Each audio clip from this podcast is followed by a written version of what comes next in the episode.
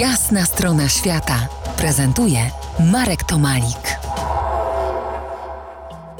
Ciekawość świata zawiodła nas i chwilowo trzyma u tak zwanych siedmiu sióstr. Do siedmiu stanów etnicznie nieindyjskich w północno-wschodnich Indiach właśnie wracamy. Powiedz, jakieś znane postaci, nam znane mogą być z tamtych stron?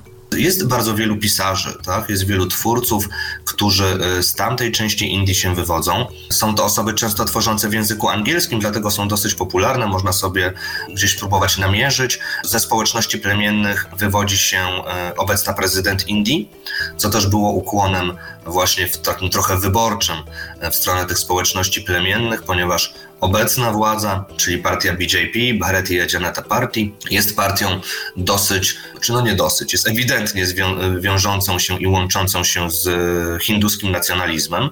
E, w związku z tym troska o społeczności plemienne nie jest na pewno centralnym punktem programu, ale czasami właśnie no, próbuje się jakoś pozyskać również tych wyborców ze społeczności plemiennej. Także oczywiście mamy wiele postaci, ale one są raczej znane w Indiach. Tak? One są raczej znane w Indiach, będą to politycy, politycy, będą to sportowcy, będą to osoby związane z życiem literackim.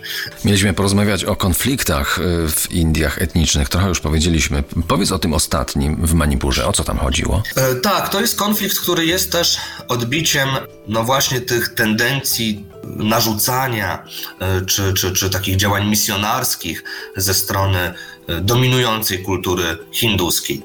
Ponieważ mamy tam do czynienia z konfliktem dwóch grup etnicznych, e, Meitei oraz Kuki. Tam 175 osób zginęło w wyniku tego konfliktu, przetrwającego przede wszystkim w poprzednim, w minionym roku i mamy te 70 tysięcy osób, które musiało domy swoje opuścić. Mamy tam problem statusu plemienia, ponieważ w Indiach mamy różne listy, różne kategorie plemion i Meitei mieli być wpisani właśnie na jedną z takich list, mimo że są grupą dominującą w e, stanie Manipur, no to spotkało się ze sprzeciwem innych grup etnicznych, przede wszystkim Kuki, którzy zamieszkują rejony górskie, ponieważ obawiali się oni, że Meitei będą przejmowali te tereny, na których oni zamieszkują, ponieważ tereny zamieszkałe przez Kuki są zarezerwowane wyłącznie dla społeczności o statusie plemion, więc była to próba taka trochę przejęcia ziemi i przejęcia mm, zasobów ze strony tej większości etnicznej.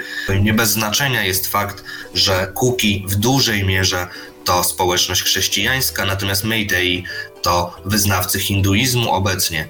A trzeba wiedzieć, że w zasadzie wszystkie E, wszystkie mniejszości religijne w Indiach są obecnie w jakiś sposób dyskryminowane. Tak jest z muzułmanami, tak jest również z chrześcijanami. I ta agresywna polityka hinduskiego nacjonalizmu, tak, związanego też ideologicznie z hinduizmem e, jest bardzo zauważalna. No i to jest smutne teraz w Indiach, że Indie właśnie takie się stały i nie chcą przez e, chwilę być inne. Za kilkanaście minut jeszcze jeden indyjski, nieindyjski zakazany świat. Pojedziemy na Andamany. Czy nas tam wpuszczą i czy to jest w ogóle dobry pomysł tam pojechać? O tym za kilkanaście minut. To jest jasna strona świata w RMS Classic.